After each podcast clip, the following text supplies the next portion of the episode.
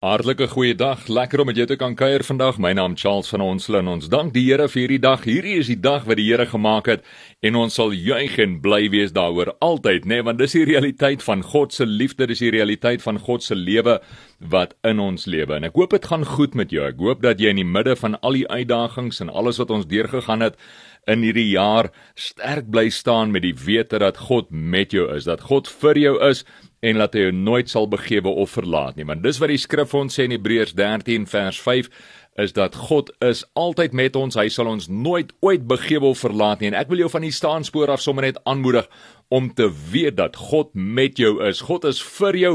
Hy sal jou nooit ooit begewe of verlaat nie. Kom ons bid net soos altyd saam. Here baie dankie vir hierdie besondere dag. Dankie vir u goedheid, u liefde, u krag. Dankie vir die voorreg om u seuns te kan wees, om u kinders te kan wees. Dankie dat u deur Christus Jesus ons aangeneem het en dat u in ons harte die gees van vaderskap en seunskap ingestort het, soos wat u woord vir ons sê. Dankie dat ons seuns van God is wat kan roep Abba, Papa Vader, met die wete dat u ons Abba, u ons dra, u ons liefhet, u ons versorg en dit wil ek bid vir elkeen van u kinders vandag. Mag hulle die goedheid en die guns van die Here beleef op 'n besondere praktiese reële wyse net weet dat u met hulle is, u vir hulle is. U ken elkeen se omstandighede en ek wil spreek tot daardie omstandighede vandag. Ek wil spreek tot jou omstandighede, daar waar jy luister aan die ander kant van die radio. Mag jy beleef hoe God werklik ingryp vir jou en die God vir wie niks onmoontlik is nie. Lukas 1:37 wat sê niks is onmoontlik vir God nie. Hoe hierdie God vir jou in jou lewe ingryp en verander. Ek spreek tot jou omstandighede. Ek spreek want daar's lewe en dood in die mag van die tong. Ek spreek tot jou lewensomstandighede. Ek spreek die krag van God, die heerlikheid van God, die deurbraak van God, die oorwinningslewe van God in jou situasie. Moenie vaskyk in jou huidige omstandighede nie, maar kyk vas in die realiteit van hierdie almagtige ewige God wat sy lewe vir jou gegee deur Jesus Christus en vir wie niks onmoontlik is nie. Vader, lig u seun se perspektief. Lig u seun se perspektief. Mag hulle sien werklik hoe groot u is en nie vir hulle berg, nie vir u sê hoe groot hulle berg is nie, maar vir hulle berge sê kyk hoe groot my God is vir wie niks onmoontlik is nie. Ek spreek lewe en oorvloed en heerlikheid tot elkeen van die kinders in die naam van Jesus Christus. Amen en amen. En mag jy vandag net dit beleef. En ek wil dit profeteer oor jou as ek mag net om te verklaar. En profesie is eenvoudig dit. Dit is nie 'n kristalbal nie. Dis nie 'n insien in die toekoms ding nie. Profesie is eenvoudig dit. Dis die realiteit van God se woord wat gespreek word en wat werklikheid word in ons lewens. Ja verseker kan dit natuurlik hierdie amper meer mistiese komponente insluit, nê? Nee, en dit is wat 1 Korintiërs 12 natuurlik van praat, is hierdie woord van wysheid, die woord van kennis, insig, profesie en dis 'n gesprek vir 'n ander dag. Maar as jy gaan kyk na die kern van die essensie van profesie, Moses wat 'n profeet genoem was, gaan dit oor die uitleg van die realiteit van God se wil, die uitloop van God se wil, die aanvaarding van die Here se woord as werklikheid in jou lewe en om daardie woord stap vir stap te verklaar klaar te glo dit uit te loop die realiteit van dit wat in die Bybel staan om dit vlees te maak. Die woord van God sê vir ons in Johannes 1 dat die woord het vlees geword en onder ons kom woon. En net so wil die Here deur jou sy woord vlees maak, laat dit in en deur jou loop en woon en bewerk in die aarde waar jy is die Genesis opdrag onthou Genesis 1 nê nee, vers 26 tot 28 spesifiek vers 28 waar God die mens gemaak het en gesê woon en bewerk wees vrugbaar vermeerder hierdie planeet vir hierdie aarde. Maak dit bewoonbaar bewerk dit. En hierdie opdrag was gegee voor die val in die tuin van Eden.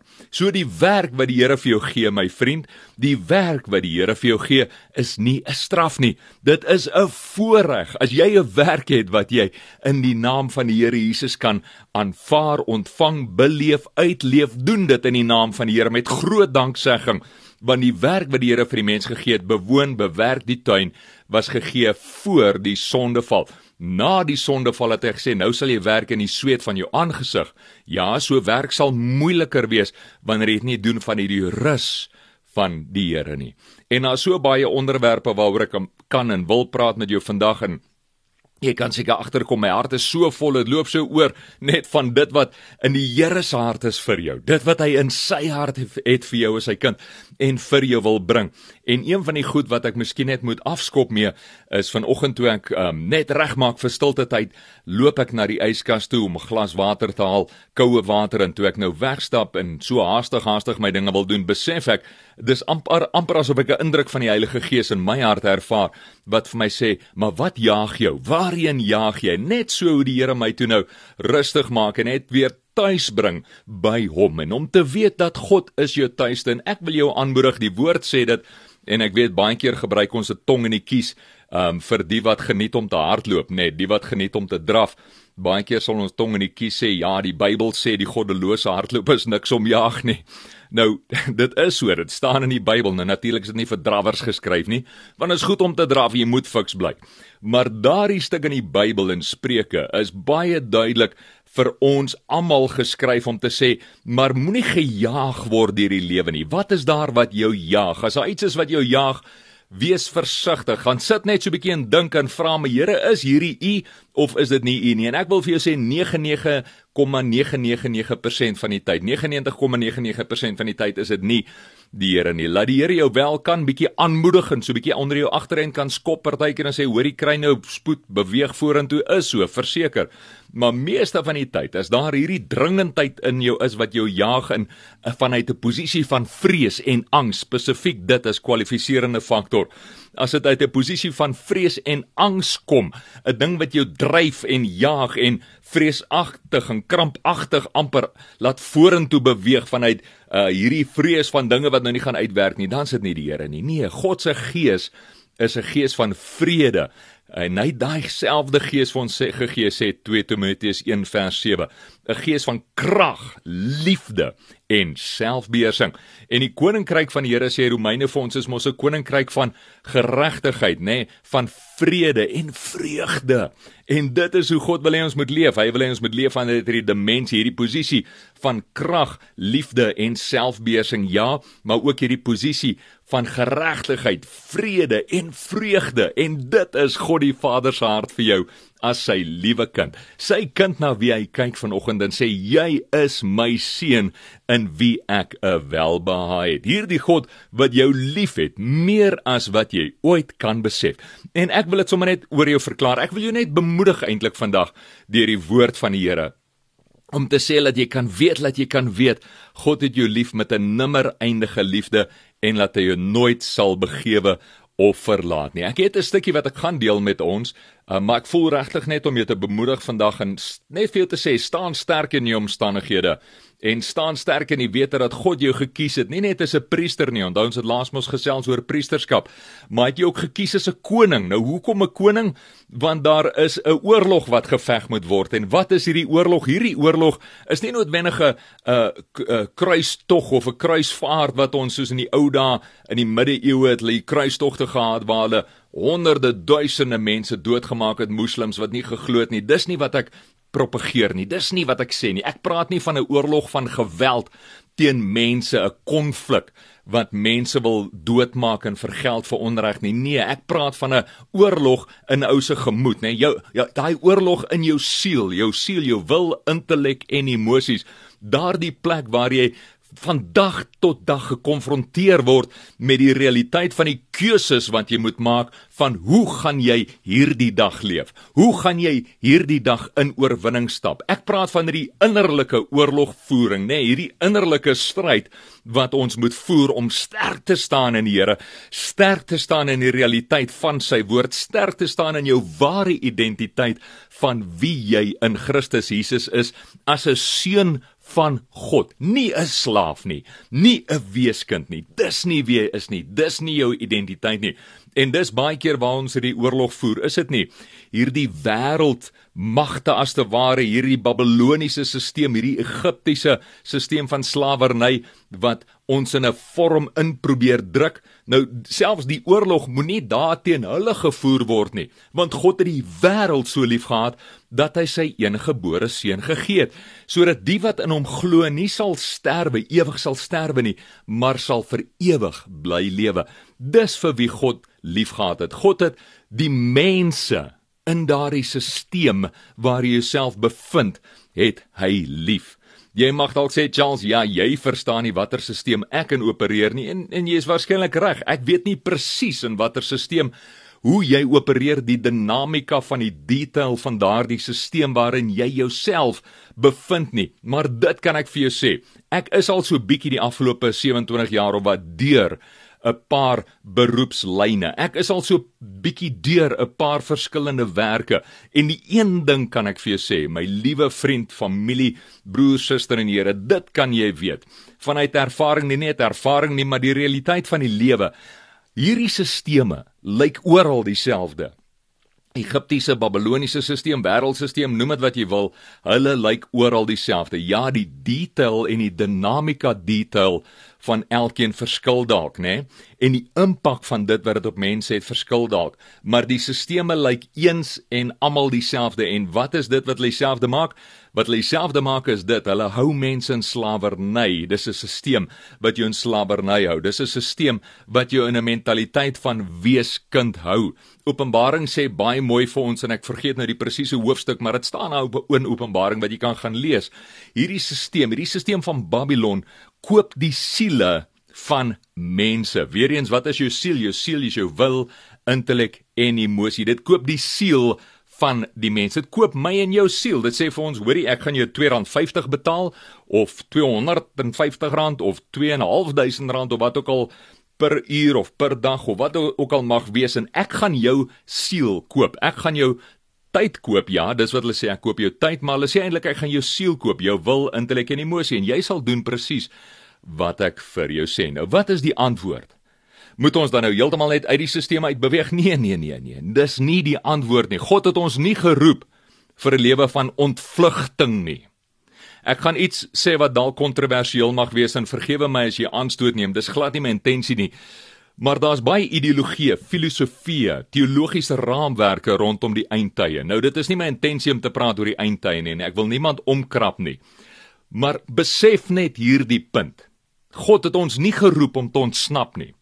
God het ons nie geroep om weggeraap te word uit hierdie stelsel, uit hierdie wêreld om te sê, "Maar ek kan dit nie maak nie, Here, U moet my kom haal asseblief. Ek is nie sterk genoeg om dit te kan maak in hierdie wêreld nie." Nee, God het ons nie geroep om weggeraap te word, ontvlugting te kry uit hierdie wêreld om te sê maar ek kan nie hierdie wêreld oorwin nie.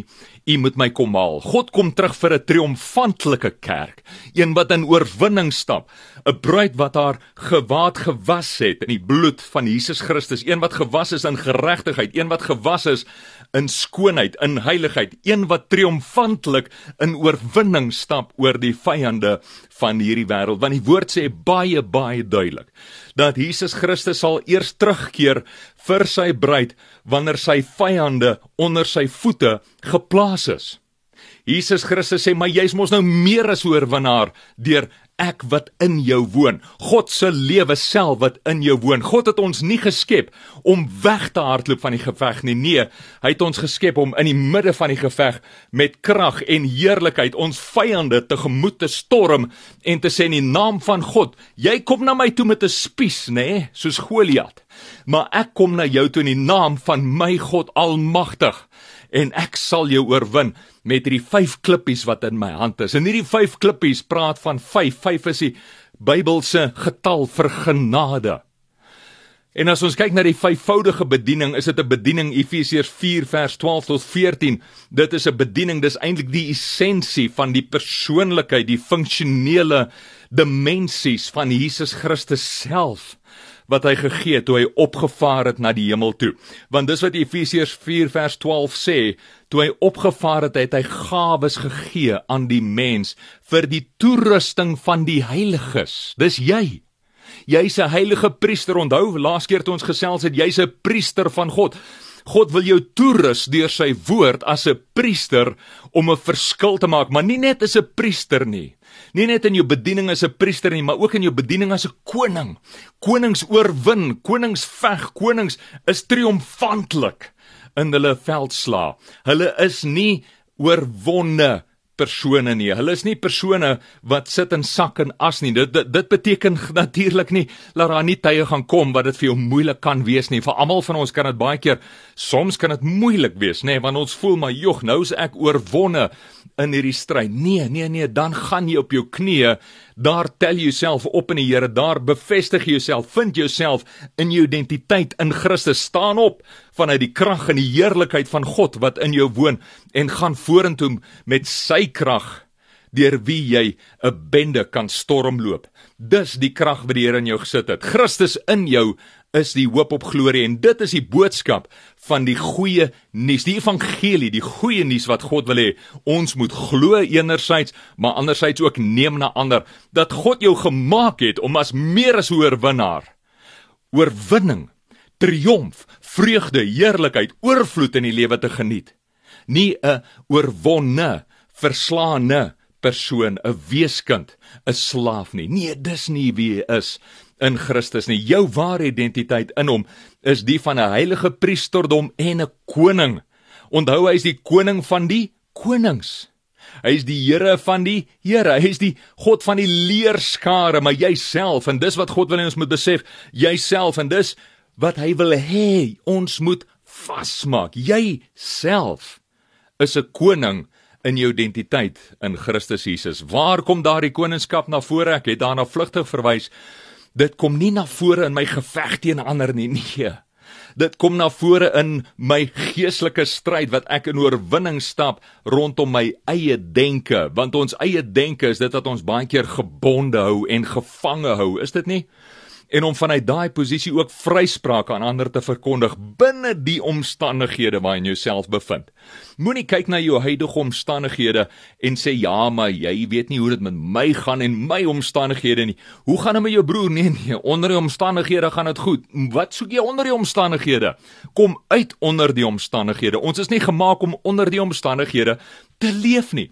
God het ons gemaak om te leef bo omstandighede, om te heers daaroor. Nou, ek is nie so idealisties en naïef om te sê dat daar nie omstandighede is nie. Natuurlik is daar.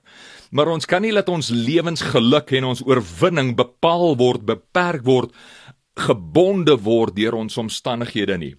Gaan kyk byvoorbeeld as 'n baie goeie voorbeeld, gaan kyk na die Auschwitz ehm um, verslaan nê, die die rekolleksies van van die Auschwitz voorval in die Tweede Wêreldoorlog. Gaan kyk na Viktor Frankl, gaan kyk na Corrie ten Boom, gaan kyk na so baie Dietrich Bonhoeffer, so baie wat deur die Tweede Wêreldoorlog is wat gekies het in die midde van omstandighede om positief te bly, om sterk te bly staan in die Here in die krag van God wat in hulle geleef het. Gaan kyk na die Bybel. Daar's so baie voorbeelde. Josef as 'n voorbeeld natuurlik waar Psalm 110 vir ons so treffend sê dat hy sit in hierdie tronk en Psalm 110 sê dat die eisters van die boeye het in sy siel ingegaan. Nou dis baie melodramaties gestel, baie treffend, maar wat die psalmdigter daarvan ons probeer illustreer is dat sy pyn, sy die intensiteit van sy pyn was so erg gewees dat dit vir hom gevoel of hierdie boeye, die staal, die eister van die boeye in sy siel ingegaan het, in sy denke ingegaan het, sy wil, intellek en emosie. Jy mag dalk op daai plek wees. Ek was al op daai plek. Ek weet hoe voel dit. Jy mag dalk op daai plek wees wat jy sê, "Jog, ek is so seer in hierdie situasie. Hierdie boeye, hierdie pyn van hierdie staal, so die koue, onpersoonlike kliniese staal gaan in my siel in." Dis soos 'n mes wat in my siel ingedryf word. Dis soos 'n 'n pyl wat in my hart ingeskiet word. Ek weet dis seer. Ek weet dis nie lekker nie. Maar dit kan ek vir jou onombonde sê, my liewe vriend in die Here, jy moet besluit. Gaan jy toelaat dat daai ding jou lewe bly versuur? Gaan jy toelaat dat daai ding jou lewe bly in krampagtigheid, in gebondenheid vasbind dat jy voel of jy in hierdie tronk is? Dis jou besluit. Dis niemand anders as jou besluit nie. My pa het altyd gesê ek bly staan naby want dit is die waarheid, want die woord sê dit ook. Jy bepaal jou eie geluk. Jy's verantwoordelik vir die uitkoms van jou eie lewe. Waar sê die woord dit? Jakobus 1:21 duidelik: Ontvang die woord van God met sagmoedigheid wat in staat is om jou siel te red. En Deuteronomium wat praat van kies die lewe, nie die dood nie. Jy moet kies. Dis jou keuse. Ontvang die woord wat in staat is om jou siel te red. Maak die woord jou eie. Maak die regte keuses. Kies lewe, moenie dood kies nie. Een praktiese voorbeeld daarvan en ons sal nog uitkom by die koningskap waarskynlik in die tweede sessie. Een praktiese voorbeeld daarvan hoe om reg te kies gaan lees weer ek het dit voorheen genoem Matteus 18 die tweede gedeelte wat praat oor vergifnis, nê. Nee, waar as jy nie kies om te vergewe nie, sal jou siel gebonde bly in hierdie plek van onvergifnis en bitterheid. En so wil God vir jou sê, maar maak jouself vry, verlos jouself. Spreuke praat daarvan. Hy sê verlos jouself my seun, verlos jouself van hierdie omstandighede in die lewe. Hoe doen ons dit deur Christus Jesus in ons, die hoop op glorie en die hoop op heerlikheid. Kom ek kom vir ons in die laaste paar minute, kom ek kom vir ons net uit by die skrifgedeelte ook van vandag want dit is baie belangrik vir die volgende sessie wat ek wil deel oor reëls vir oorlogvoering. Want weet jy daar sekerre reëls vir oorlogvoering? En dis baie treffend om te luister wat die Bybel daaroor sê. En weer eens hierdie oorlogvoering nê, nee, gaan oor nie 'n oorlogvoering teen mense nie of teen stelsels of omstandighede nie. Ja, dit sluit dit op 'n manier in, maar daai oorlogvoering is eerstens binne jouself om my denke, my lewe, want dis al wat 'n mens werklik kan beheer, nê. Nee, dis al wat jy en ek werklik kan beheer is ons denke om daardie denke geanker te bly hou in Christus en ons oë op hom te bly hou. So kom ons kyk gou hier vanuit Deuteronomium 17 en ek deel vanaf vers 14 die koning en sy verantwoordelikhede vers 14.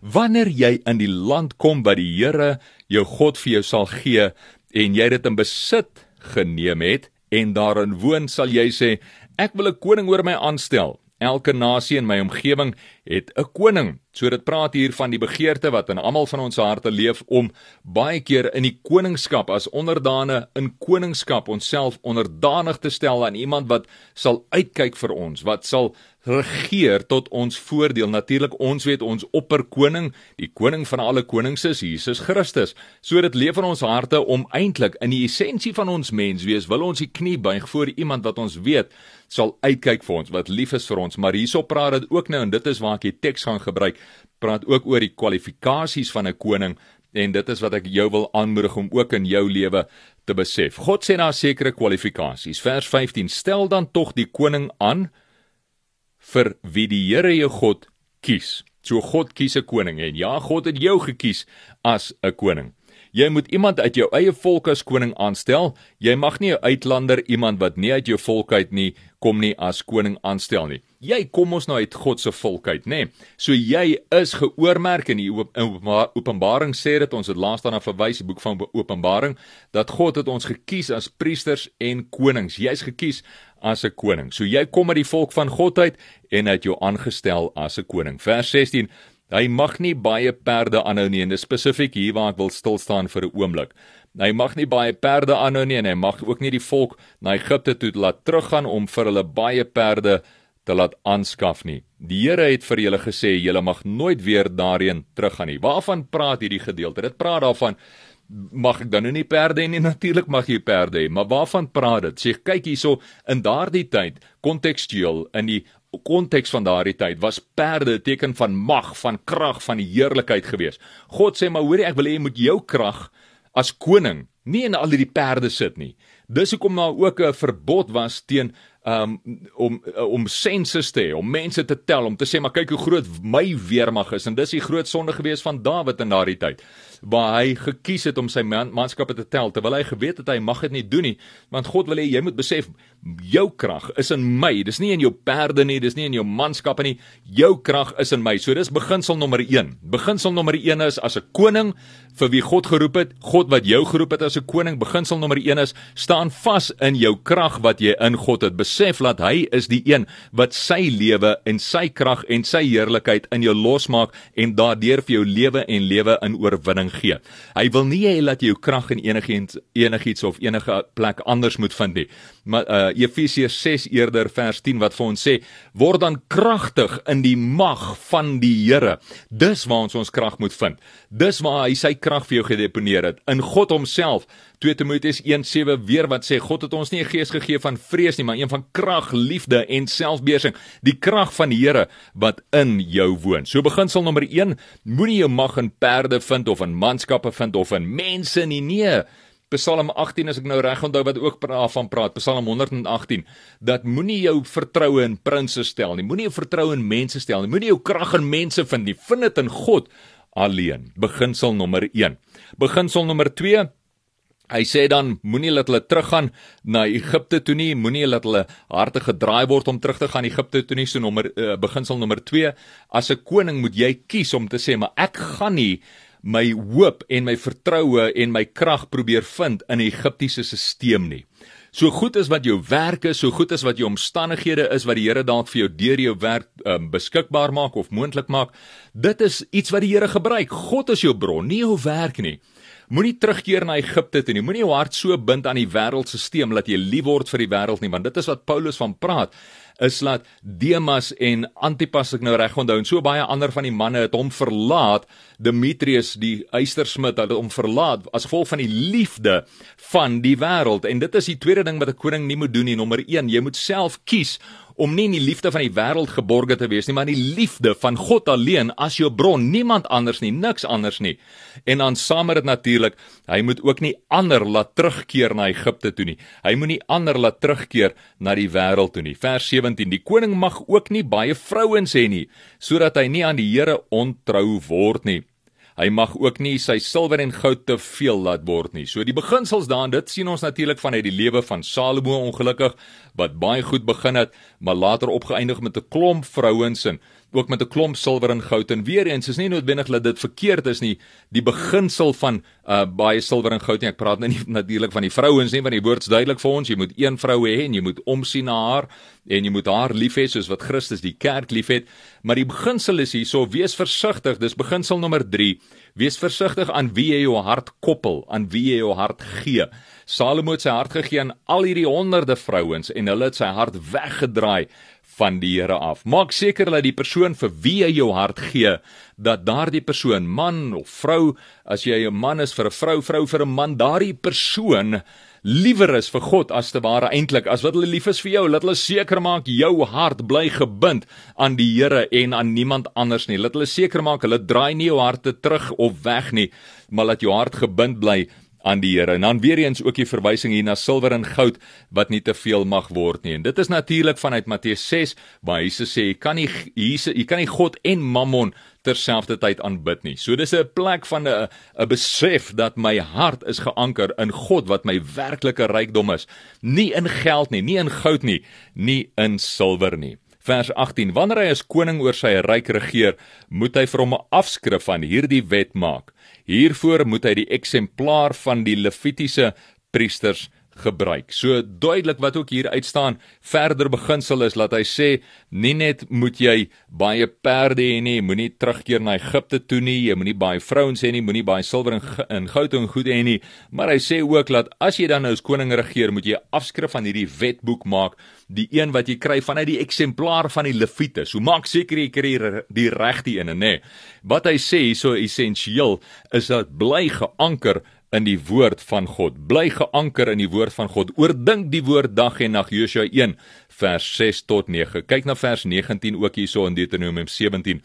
Hy moet die afskrif by hom hou en sy lewe lank moet hy dit gereeld lees sodat hy kan leer om die Here sy God te dien deur gehoorsaam te wees aan alles in hierdie wet en om volgens al hierdie voorskrifte te lewe. So oordink hierdie woord, doen hierdie woord, wees word hierdie woord, die woord wat vlees word en dan sal jy en dit is hoe vers 20 dan afsluit en Deuteronomium 17 ook dan sal hy hom nie bo sy volksgenote verhef nie en 'n haarbreedte afwyk van hierdie gebod nie. As hy gehoorsaam is, sal hy lank lewe in sy koninkryk, hy en sy seuns tussen sy volk Israel. Wat 'n besondere wete om te weet dat God vir ons sê dat wanneer jy seker maak dat jou hart gebind bly aan my, dat jou krag nie in perde lê nie, dat jou krag nie in groot leermagte lê nie. As jy gebind bly aan my en seker maak dat jy nie vrouens sit wat jou hart wegdraai nie en laat jy ook nie teruggaan na Egipte of die wêreldstelsel nie. Wanneer die Here ook dan sê wanneer jy getrou bly aan my deur deur ook nie silwer en goud te aanbid nie en te besef jou ware rykdom is in my en wanneer jy hou aan die woord van die Here dan sal jy in daai plek van gehoorsaamheid aan die woord van die Here dan sal dit goed gaan met jou en met jou nageslagte. So as 'n koning van God, besef dat die Here het jou geroep tot hierdie plek van geanker wees in hom, geanker wees in sy woord, geanker wees in die waarheid van wie hy sê jy is deur Christus Jesus. Staan sterk as 'n koning. Ons kyk nou volgende keer gaan ons loer na die reëls van oorlogvoering wat ek vroeër na verwys het, maar ek moes hierdie net eers hanteer om te sê dis wie hy is, jou identiteit in God. Ek het eintlik verduidelik wie hy is. Ek het eintlik jou geestelike CV gelees want jy is mos jou ware identiteit in God deur Christus is mos een wat getrou is aan God. Dit is een wat nie sy hart laat wegdraai deur vrouens, mense, sisteme, allerlei ander goed nie. Dit is een wat die Here liefhet bo enigiets anders en dit is een wat die woord van God bestudeer